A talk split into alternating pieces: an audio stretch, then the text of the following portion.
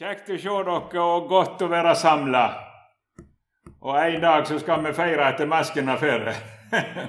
da må det være ekstrasamling og synge litt ekstra. Ja, ja, men det er godt vi kan møtes, iallfall. Det var verre hvis vi måtte sitte hjemme. Jeg har forresten hørt at det er ikke så uvanlig at en har inntrykk av at de kristne går rundt med maske. Og da tenker jeg ikke helt på disse typer, men jeg tenker at vi er litt kanskje ikke alltid så åpne med hverandre. Det går fint, og så går det ikke så greit. Og så er vi skjuler oss. Det er godt når det kan bli så fortrolig at en kan egentlig være åpne med hverandre. Har du lagt merke til det, hvor godt det blir blant de troende når de kan være ekte sånn som de har det? Og Der har vi vel noe å tenke på, gjerne. Jeg hørte fra et bønnemøte i Afrika Eh, og der hadde de gått på eh, Det var på bibelskole, tror jeg. Og alle hadde liksom lært hvordan de skulle be fint. Men det var så kunstig, for det var ikke hjertespråket. Og det var så tørt og tungt, og den ene kom, og den andre kom og ba, og, Men det var liksom Og så var det én ting alle gikk og tenkte på, og det var, det var så tørt at det holdt på å gå galt med alt. Men det var liksom ikke noe som noen sa noe om. Eh, så, for det var liksom ikke så åndelig som det andre. Så var det plutselig en som glemte seg helt vekk. Og så, kjære Gud, må du sende regn. Og da var det så det åpna seg, for da var det ekte språket. Det skulle ikke mer til. Så det kan være noe vi kan tenke på når vi går med maske. Nå tar jeg noe kjensel på dere likevel, altså, men det er noe med å gjemme seg for hverandre. Ja, ja. Ja, det var fint med Johannes. Det er noe voldsomt fint med den mannen. og Et annet trekk som jeg har tenkt på òg. Han hadde noe som alle kristne og alle kristne ledere og alle kristne forkynnere skulle lært av Johannes. For i begynnelsen så var det masse folk som kom til Johannes. Og så gikk det en stund, så begynte de å gå til Jesus i stedet. Og da ble disiplene til Johannes de syntes ikke så godt om dette. der. Johannes, nå ferdig til han. De kommer ikke lenger til deg. Og så tenkte de Johannes kom til å være lei seg, han òg. Nei, så sier jeg, jeg er glad. Og det er jo det jeg har lyst til. At folk skal gå til Jesus. Da behøver vi ikke at de slutter å høre på en forkynner. Men det er jo ikke forkynneren. Men det er Jesus vi vil folket skal følge. Og da var det vel gjerne litt med det i fengselet når Gud lot han komme i en sånn situasjon, hvordan han nå hadde seg. Han hadde noen disipler som ennå ikke var gått til Jesus. Og de måtte til Jesus, herre, om det skulle koste Johannes litt. Grann. Og det er så godt det er rette storhet. Han skal vekse, jeg skal avta, sier Johannes. Så det er mye til å tenke på denne pekefingeren på Jesus. Det var Jesus som var hovedsaken for Johannes. Kunne vi følge etter han òg på det? Jeg har vært mye i Gamle testamentet, og det er gildt for Bibelen vår heil, men i dag skal jeg lese fra Nytestamentet. Jeg sa jo da at det var ikke sikkert vi gikk videre med noe av historien sånn. Jeg har jo ikke lovt dere en utleggelse fra Første Mosebok denne gangen, så nå har jeg nå Eh, kommet til at det skal gjerne ikke gå videre sånn i denne omgangen. Det kan jo hende jeg kommer igjen på Forsand. Det har jo vært så kjekt med dette her at jeg i grunnen har fått komme tilbake. Det har jeg sett stor pris på. Og jeg må jo si at eh, eh jeg har takka Gud for at jeg lærte dere å kjenne. Det vil jeg si. Eh, det er Matteus 22 jeg skal prøve å lese ifra. Der er, jeg vil jo si at det kanskje vi kjenner igjen, og det er nå kanskje litt lett for oss som har hørt så mye. Vi står i fare og så tenker 'dette kan jeg', og så går det forbi oss. Så jeg tror vi må være eh, i bønn til Gud, at Han må få nå oss med det Han ville. Skal vi prøve å be sammen før vi leser? Kjære Herre Jesus, vi takker deg for at du er midt iblant oss og hvor godt det er å være hos deg. Og nå ser du hvordan vi har det alle sammen. Det veit du bedre enn noen. Nå ber vi deg om denne stunden, at du er med oss i fortsettelsen òg. og velsigna ditt eget ord. Herre, hjelp oss nå å høre ordet som kan saliggjøre. Lukk du opp vårt hjertets øre. Hør vår bønn, vår frelses Gud. Amen. Jeg leser da ifra det kapitlet, den første, eh, der eh, som vi pleier å kalle for kongesønnens bryllup. Og vi leser Jesu navn. Jesus tok til orde og talte til de i likninga. Han sa:" Himmelriket er å ligne med en konge som gjorde bryllup for sønnen sin. Han sendte tjenerne sine ut for å kalle de innbedne til bryllupet, men de ville ikke komme. Da sendte han andre tjenere ut og sa, Si til de innbedne, Sjå, jeg har stelt i stand måltidet mitt, oksene og gjøfe er slakta, og alt er ferdig. Kom til bryllupet. Men de brydde seg ikke om det og gikk sin vei, ein til åkeren sin og ein til handelen sin. Men andre la hand på tjenerne hans, mishandla dei og slo de i hjel. Da vart kongen harm.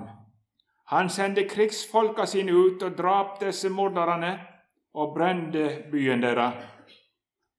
Så sa han til tjenerne sine, alt er ferdig til bryllupet, men de innbedne var ikke verde det. Gå de forut på vegskjella og be inntil bryllupet alle det treffer på. Så gikk da alle disse tjenerne ut på veiene og fikk sammen alle de fant, både vonde og gode, og bryllupshuset ble fullt av gjester. Men da kongen gikk inn for å se gjestene, så han en mann der som ikke hadde bryllupsklede på seg. Han sier til han, Venn, hvordan er du kommet inn her uten bryllupsklede? Men han tagde. Da sa kongen til tjenerne, bind hender og føtter på han og kast han ut i mørket utenfor. Der skal de gråte og skjære tenner. For mange er kalla, men få er utvalgte.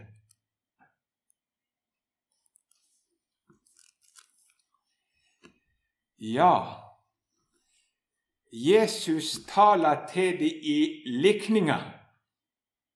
Hvorfor gjorde han det? Jeg skal ikke bruke mange ord på det, men det er i grunnen en voldsom, alvorlig sak. da. Nå er det sånn at når Guds ord lyder, så deler det folk i to. Det har Guds ord alltid gjort. Og det deler seg på de som tar imot ordene, og de som ikke tar imot dem. For de som tar imot Guds ord, så virker det velsignelse og frelse. For de som ikke tar imot Guds ord, så virker det dum og forherdelse. Og når Jesus begynte å forkynne, så talte han ikke i likninger. Men så har han forkynt, og folk har begynt å dele seg. Noen, mange hørte han, men det var ikke alle som hørte for å ta imot det og bøye seg for det. Da er det Jesus plutselig begynner å forandre eh, Jeg skulle nesten brukt et ord som heter taktikk, men det blir litt feil, kanskje. Han begynner å snakke i likninger. Og disiplene de blir forskrekka. De lurer på dette kan jo ikke folk forstå uten videre. Så det er jo ikke sånn som vi lett tenker at ja, det er noen åndelige ting er noe innfløkt. Så vi får gjøre sånn som mange predikanter. De forteller noen enkle bilder, og det er mye lettere. Ja, Det gjør jeg òg stundom, og det er riktig stundom. Men det er ikke det Jesus betaler i likninger for. For når de spør han, så sier han det er for å skjule Guds rike for noen og åpenbære det for andre. Det er noen Jesus vil skjule det for, så de ikke ser. Og så er det noen han vil åpenbare det for. Og det viser seg nemlig Det er ikke sånn vilkårlig at han eller mann Eh, den vil jeg skjule det for, og den vil jeg ikke skjule det for. Men det er etter hvordan en stiller seg til Jesu ord. Altså, er jeg en som tar imot det og vil ber Jesus om hjelp til å forstå det og for å leve etter det, så virker ordet til velsignelse. Men hvis jeg hører uten å ta det til meg, uten å vilje leve etter det, uten å ta vare på det, så virker det motsatt. Og Derfor viste det seg at eh, eh, de som det virkelig var om å gjøre, de kom til Jesus etterpå og spurte kan du forklare det for oss. Hvorfor gjorde ikke alle det? For det var ikke så om å gjøre å vite det. For de var i grunnen ikke tenkt å gjøre etter det likevel. Men disiplene de hadde det sånn når Jesus taler, så må jeg få fatt i hva han sier. For dette er livet for meg.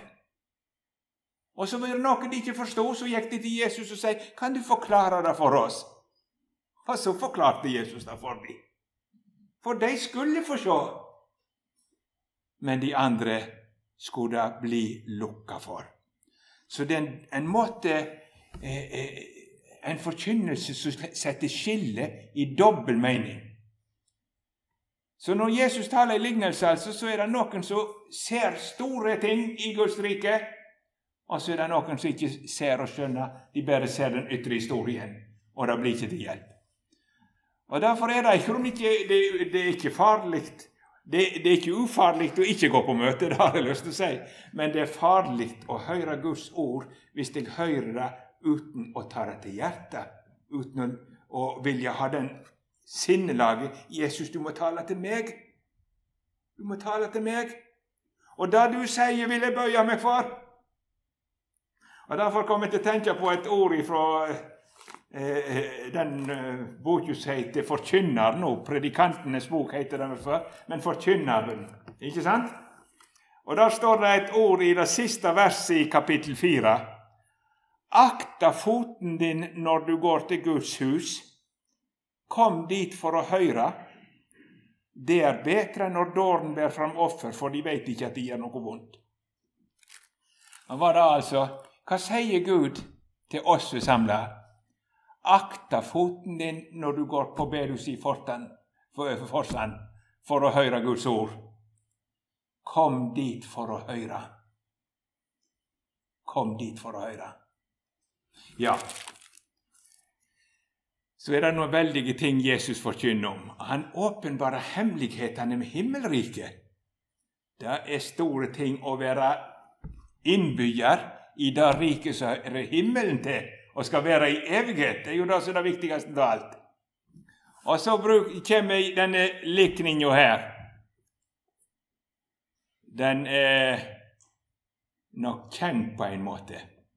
Men Jesus begynner å, eh, å forklare eh, at himmelriket ligner et kongebryllup.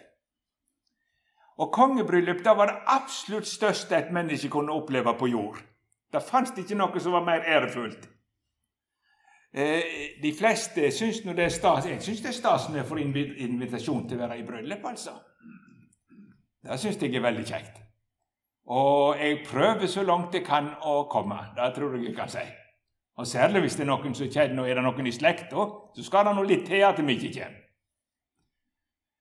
Men jeg har aldri blitt invitert til kongebryllup.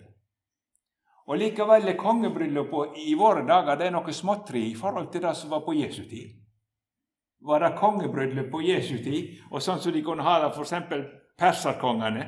Det står i begynnelsen på Esters bok at eh, kong Asv Asverus skulle lage et selskap for stormennene sine. Og Vet du hvor langt det selskapet varte? 150 dager. Fem måneder. En skal tro det var selskap når kongen slo til. Og Da var det mat og fest hver eneste dag, så da var det voldsomme greier. Stormennene kan jeg tro var det lå nå nesten rike brakt, da, kan jeg tenke, når de hadde feira i 150 dager. Men det, det var store ting. Og når, når Herren skal si hva himmelriket er for noe, så bruker han det største bildet som vi kunne tenke oss.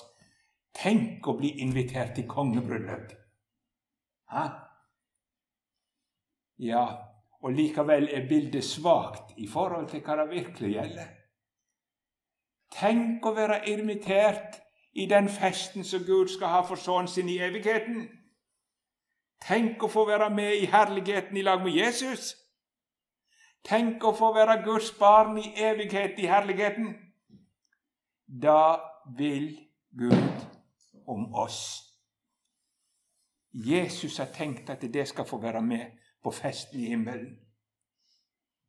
Han har tenkt menneskene skal være med. Og Derfor er himmelrikt er likt en konge som gjorde bryllup for sønnen sin. Og så kom tida når eh, det var klart. Og så sender han innbydelsen ut til de som hadde fått hørt om det først. Og i første omgang sikta det til Israel. De hadde fått lovt at det skal komme en frelsens dag på jord. Og så plutselig så var frelsens dag kommet. Guds sønn var blitt menneske og sto midt iblant de og holdt på å lukke de inn i himmelriket. Og så står det noe merkelig. De innbudne vil ikke komme.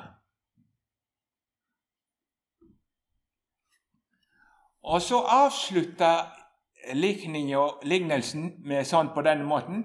Mange er kalla, men få er utvalgte. Da kan du si at de kaller det alle som har fått innbydelsen. De, de utvalgte, det er de som blir med på festen. De kalla har fått innbydelsen. Mange kalla, men få er utvalgte. Det er jo veldig tungt å tenke på. Er det sånn at av de som får innbydelse til himmelen, så er det så mange som ikke kommer? Ja, er sånn. Mange kalla, men få er utvalgte. Mange kalla i Forsandbygda òg, men få er utvalgte. Få er utvalgte. Det blir ikke få i himmelen, det blir ikke det. Bryllupssalen blir full av gjester, men det er så forferdelig mange som ikke ble med. Hvorfor går det sånn? Hvorfor går det sånn? Da er det ei gruppe jeg har lyst til å nevne aller først, som denne teksten ikke handler om. Det er de som ikke har fått innbydelsen. For da òg er noen på denne jord som aldri har hørt om Jesus. De har aldri hørt om frelsen. Og de kan ikke bli med på festen, for de veit ikke veien. De veit ikke engang at Gud vil ha dem på en sånn fest. Og Derfor er det verdens største nød. Det er alle de som ikke har hørt om Jesus. Jeg har hørt nå at Misjonssambandet har fått misjonere i Midtøsten til og med. Det er nytt. Det er nytt. Og det er spennende, for denne evangeliet skal utover alle jorda sine folkeslag. Så ser det ut som det skal tilbake der det begynte der det begynte. Og Det får Misjonssambandet òg være med på. Vi har ikke skikkelig lov å fortelle hvor det er, men det er på den arabiske halvøya, visst. Ja. Så det er spennende å se hvor det går. Og det er så åpent, eh, for der er det bl.a. mye folk som kommer fra Afrika og kan swahili. Altså det er et kontaktpunkt. Ja, forskjellige ting. Ja. Jeg skal ikke fortelle mer om det, for det er litt å være forsiktig med. Det er sånn altså at eh, når det er på nett og sånn, så er det enda vanskeligere å fortelle om det. Så det er ikke så trygt å være kristen alle plass, og da kan vi gjøre det vanskelig for folk. Så det er godt å ennå være i Norge at vi trenger iallfall ikke være redd for bein framme at de kommer og skyter oss ennå. Det tror jeg ikke det er fare for. Eller noe sånt. Ja, Tenk på alle de som ikke har hørt. Så jeg håper da at vi så lenge vi er i denne verden, kan være med i det arbeidet og få sende det litt videre. Du kan ikke gjøre alt, og jeg kan ikke gjøre alt. Og så kan du si misjonærene de er fingerspissene.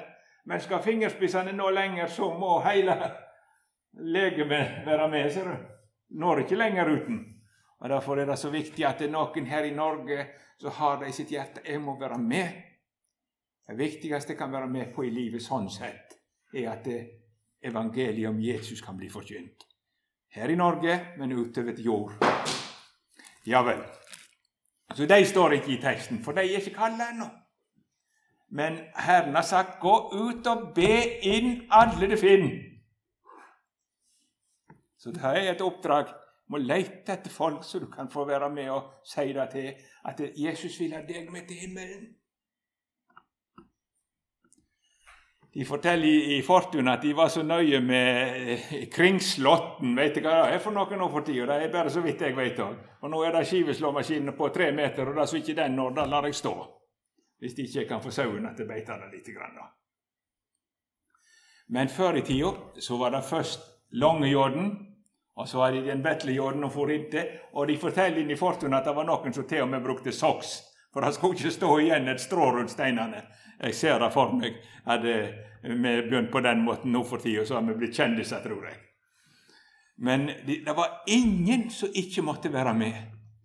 Og, og hvis du tenker på den grøa som Jesus har vunnet, menneskene, så skulle ikke én glemmes. Ingen må glemmes. For Jesus vil ha alle.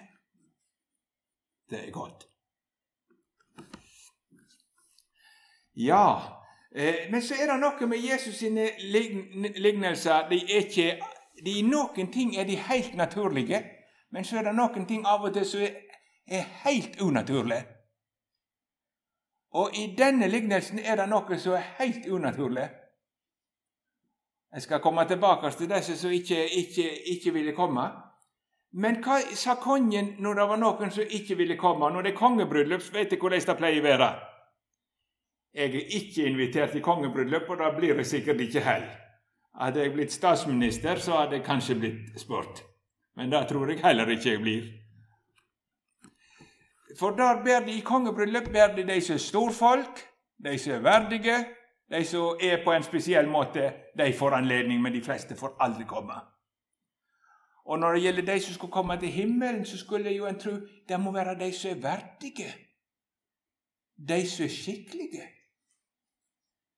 Men hørte dere hva kongen sa når de først ikke ville komme? Be inn alle! Det er ikke et vanlig kongebryllup. Be inn alle! Alle skal få lov å komme til Jesus og få del i det evige livet. Det spørs ikke om de er verdige eller uverdige. Be inn alle! Tenk deg og da kommer vi borti det evangeliet. For alt er ferdig. Jesus har vunnet himmelriket til alle mennesker. Han har vunnet syndenes forlatelse til alle mennesker. Det er ferdig for alle sammen. Han har betalt billetten, og så kan de få komme og få ha og være med. Det syns jeg er veldig spesielt. Så kan jeg òg komme, selv om jeg er sånn som jeg er. For Jesus sa ikke alle og ikke Øyvind. Be inn alle det finner. Og har du hørt om Jesus, så skal du vite du er innbeden. Jesus vil ha deg. Han vil ha dere som er gamle. Jeg syns det kan være ting å se tilbake i livet, det som mislukka alt. Kom likevel. Jesus vil ha deg. Og han vil ha de som er barn. Trenger ikke bli store for å bli Jesus sin. En skal få lov å være Jesus sin, for Jesus vil ha alle. Kom, for alt er ferdig, sa han. Og så hadde han arbeidet på for å få det ferdig, og det skal jeg si han gjorde. Tenk hva Jesus gjorde for at det skulle være ferdig. Det var så ferdig at det er den første som får innbydelsen, nær sagt, når Jesus fullfører frelsesverket, det var røveren på korset. Kan dere tenke? Jeg tror ikke det var den første folk hadde kommet på de skulle be inn under meg i disse dager. Jeg nevnte det nå i går òg. Eh, han, han Behring Breivik. Ja, ja. Det er ikke det at Gud syns det var greit at folk dreper hverandre. Ingen er mer imot det enn Gud. Og det han har gjort, er helt forferdelig. Men hva er Jesus for en, da? som har båret hvert eneste av drapene på sine skuldre og betalt billetten for han òg. Og jeg tenker ikke da Han har hatt en, en måte å vokse opp på. Han har ikke hatt så god heim som meg. Og Likevel er jeg òg en aldeles uverdig på samme måten i djupeste grunn som er min slekt. Det er det fæleste. Og så vil Jesus ha de uverdige. Ja, Det står at de ba inn både vonde og gode, og da tenker jeg vi snakker på menneskelig målestokk. For vi har, har noen som vi sier det er gode folk, og så sier vi det er noen vonde folk. Ja, be inn både vonde og gode. For Jesus har betalt billetten for alle sammen. Han har betalt og gjort ferdig for alle. Så sånn er himmelriket et merkelig budskap. Det er et budskap som gjelder alle som ikke kunne komme til himmelen sjøl. Be de inn. En skulle tro det ble et gledesbud. Hæ? Kan jeg få lov å komme? Ja, ja, men jeg sånn som jeg kan? Du trenger ikke tenke på det, for han heller kledningen òg. Da skal jeg komme igjen til i morgen, for jeg tenkte jeg skulle ikke være borte i siste delen. Men jeg skal være borte i første delen i dag. Og maten trenger du ikke tenke på, det pleier ikke jeg heller tenke på når jeg skal i bryllup. Det tror jeg ikke du gjør heller, hvis du ikke har cøliaki eller noe spesielt. Jeg har ikke mat med meg når jeg drar i bryllupet. Men i dette kongebryllupet så står det alt er ferdig. Alt er ferdig. Hva var det Jesus sa på korset? Det er fullbrakt. Hva var fullbrakt? Hele menneskeslektens syndeskyld hadde Jesus sletta ut. Sona. Alt som skulle til, var gjenoppretta. Gudsforholdet var ordna for hvert eneste menneske. Og så ber Jesus de kom, for alt er ferdig. Kom. Og så skjer det. Mange kalla, men få er utvalgte. Ja, hvorfor er det sånn? Ja, Jesus samler det i to hovedgrunner, og i dag skal vi prøve å se på den første. Hva var den første grunnen til at det var mange som var kalla, men ikke kom? Når innbydelsen går ut, så ville de ikke komme, står det. Så nå kommer de med innbydelsen at nå er bryllupet ferdig, kom. Så sier en nei, jeg har, jeg har, så mye å gjøre, det går ikke. Jeg har noe annet som er viktigere nå. Tenk da. Tenk at folk sier det. Når evangeliet om Jesus kommer, så vil de ikke omvende seg, for jeg har noe jeg holder på med nå som er viktigere. Eh, forakt for himmelens Gud. Hva er viktigere enn å bli frelst? Ingenting. Jo da, hva var det det sto her i konge, kongebryllupet? De innbundne ville ikke komme. Én gikk til åkeren og én til handelen sin. Jeg har noen steiner jeg må plukke først. Kan du tenke i bildet? Disse folkene kommer fra kongen. Den store kongen i Midtøsten. Kan dere tenke dere hvordan det var? Og så kommer han med bud til han, og så kommer han ut like på tunet til han og sier 'Nå skal du få komme i bryllup'. Nå? Nei, jeg må, jeg, jeg må ut og plukke stein. Jeg har ikke noe som skal bli ferdig. Nei, det går ikke. Er du gal, mann? Og så var det en annen, han hadde noe handel. Kunne ikke stengt den butikken.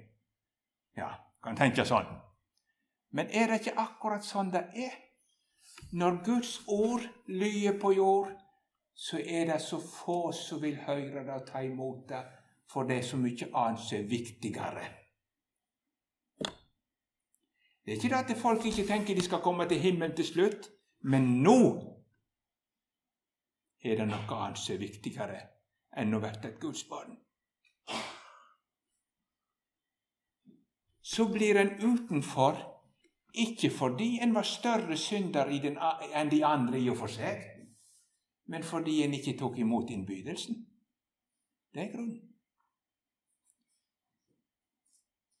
Den verste synderen Paulus sier en plass er mellom syndere er den største. Han er der hjemme. Så ingen som blir bortvist hvis de kommer for syndene sine, hvis de kommer til Jesus med dem og vender om. Men de vil ikke komme, for det var noe annet som var viktigere. Nå visste jeg jo da at eh, på Forsand bedehus så er vi nok sånn flesteparten som vil si jeg, jeg vil være med. Jeg vil til himmelen. Og det er det viktigste. Og Derfor er det noen ting som jeg har arbeidet med. Ja, det er fort å si, men må ikke noen lure seg sjøl? Er det det viktigste for deg i dag òg? For plutselig så er det kanskje blitt sånn at dette med Jesus og himmelen, det er bare en bisak.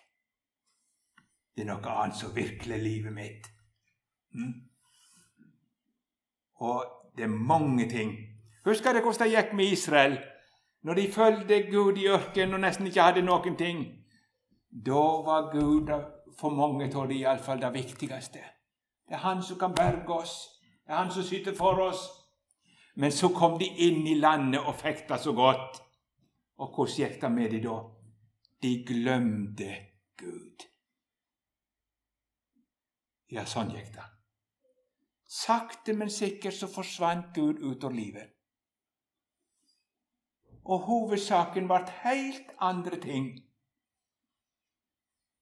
Og da har jeg tenkt Mon tru det skal skje med noen av oss på Forsand bedehus? at mens livet går, så sakte, men sikkert så bleikner det med Jesus og himmelen, og så er det noe annet som blir hovedsaken. Det er noe som gjelder Guds rike. Hvis det skal bli, så må det bli først. Søk først Guds rike. Hvis ikke Guds rike er først, så kommer det ikke til å bli det hele. Det er saken. Søk først én er Jesus og himmelen. Og Det er et under da å bli bevart sånn gjennom livet. Jeg har gått eh, imellom de troende Ja, kort tid trodde jeg begynte å reise? Nå skal ikke jeg skryte for det, er ikke så lenge, egentlig, sånn sett, men jeg begynte i 85, så det er noen uker allerede. Og kristne hadde fått være siden jeg var liten. Så jeg har sett ganske mange kristne folk. Og til, jeg har tenkt opp gjennom Det er så fint når jeg treffer unge mennesker, tenåringer, så du merker det viktigste for meg er å følge Jesus. Det viktigste for meg Jeg må få lov å følge Jesus. Så jeg kan for så vidt være enig med Mathias Orheim når han sier det veneste syn som jeg får se, er unge på kne for Gud. Tenk når unge mennesker ligger på kne for Jesus. Det er noe fint.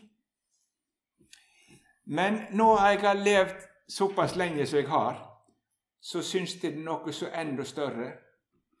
Og det er når jeg treffer gamle mennesker som Jesus er blitt større for gjennom livet. Så har jeg et varmere vitnesbyrd om Han når de er gamle, enn de hadde når de var unge. For har jeg kommet til det er det minst sjølsagte av alt. For å ikke si de som er midt i livet. Og Nå skal ikke jeg eh, være hard med noen, for jeg har mer enn nok med meg sjøl. Det må jeg bare tilstå. Eh, men hvis nå vi hadde hatt ordet fritt, hvor mange var det som ville sagt hatt litt av dette der. Og jeg må få lov å si noe om det største for meg nå.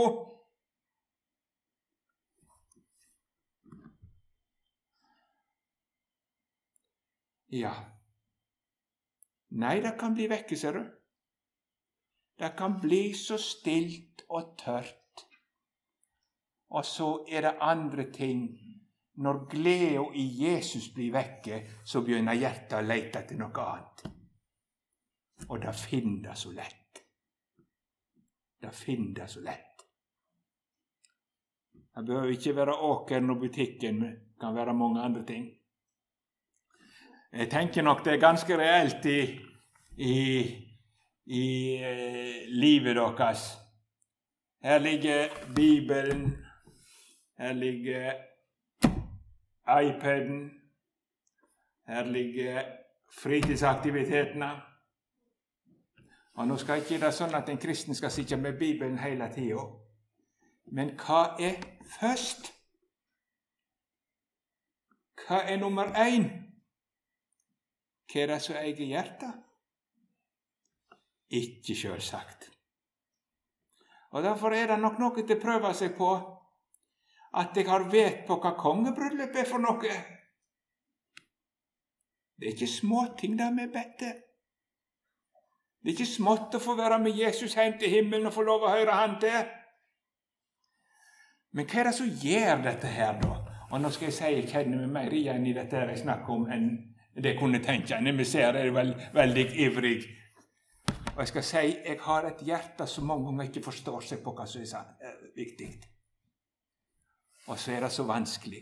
Jeg burde jo elske Gud. Hvem er det som kan gjøre oss lykkelige på jorda? For å bare begynne der. Er det noen som kan det bedre enn Gud?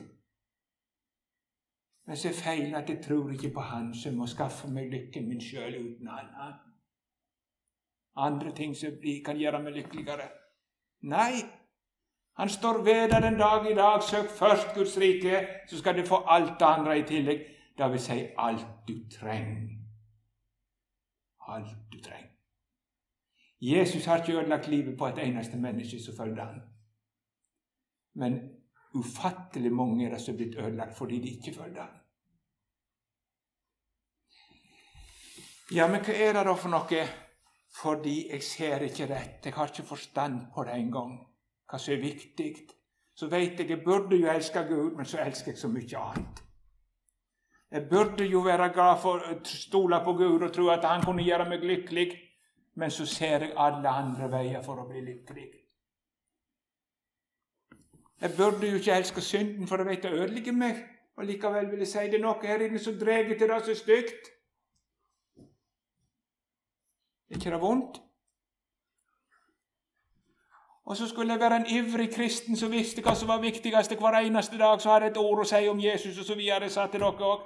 Det kunne hatt noe som brann. Og som jeg sier, det blir så trangt. Det brenner så lite mange ganger. Ja, skal tro om jeg blir med.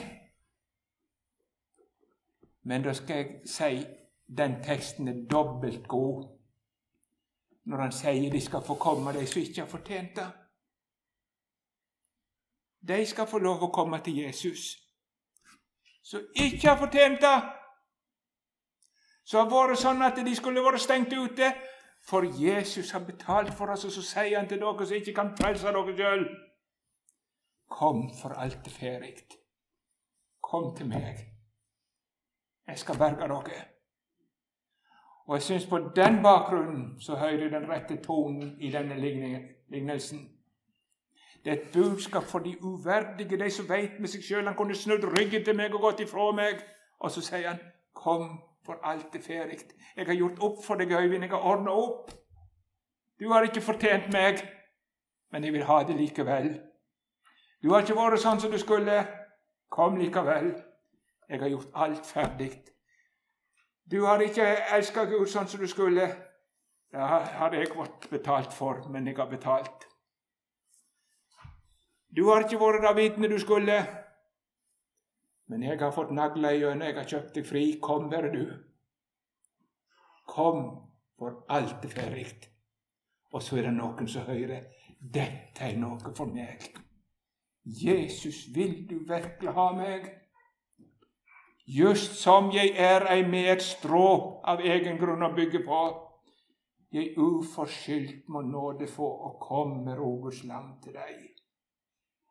Tenk deg noe for de som ikke kan betale, de som ikke er verdige, syndige mennesker, kan få lov å si det som det er Jesus, og så sier han, 'Jeg har ordna det, det er ferdig. Kom, det er til deg. Du skal få være med.' Jeg har ordna med drakten, og jeg har ordna med det. Og så skal du få lov å være med for Jesus skyld. Uforskyldt av nåde ved utløsninga i Kristus Jesus. Du store Gud, for et rike. Det passer for sånne som oss. Passer for sånne som må si med seg sjøl Jeg må slå mitt blikk ned i skam så mange ganger. Men så vil Jesus ha meg likevel, og så har han betalt fullkomment. Og så har jeg én ting som er fullkomment. Hva har du, Øyvind, som er fullkomment? Jeg har en fullkommen frelser. Jeg har en fullkommen frelser. Store, store Gud. Dette er noe for meg. Slik som jeg er, Herren i nåde til barnet sitt ser. Om synder og tvil der heile mi æra, Han er min frelser, og det vil han være. Nåden er fri, og jeg hviler meg der, slik som jeg er. Lykkelige folk at Jesus kom. Og sånn er himmelriket. Sånn er himmelriket. Det er et rike for de som ikke har fortjent det. Men de får lov å komme, for Jesus har fortjent det for oss alle. Ja, Men hvorfor er det så mange som ikke kommer? Fordi de ikke kom til Jesus når han ba de. De kom ikke. Og Nå vil jeg spørre hver og en har du kommet til Jesus for å få del i det ufortjente?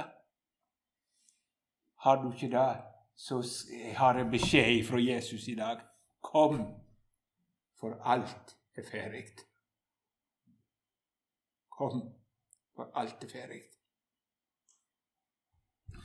Kjære Jesus, vi takker deg og priser ditt hellige navn. Takk for du ville be meg inn, og at jeg var med på Golgata. At jeg var båren på ditt hjerte, inne i dine sår, og med i din død. At du ordner det òg for meg. Takker deg, Jesus. Amen.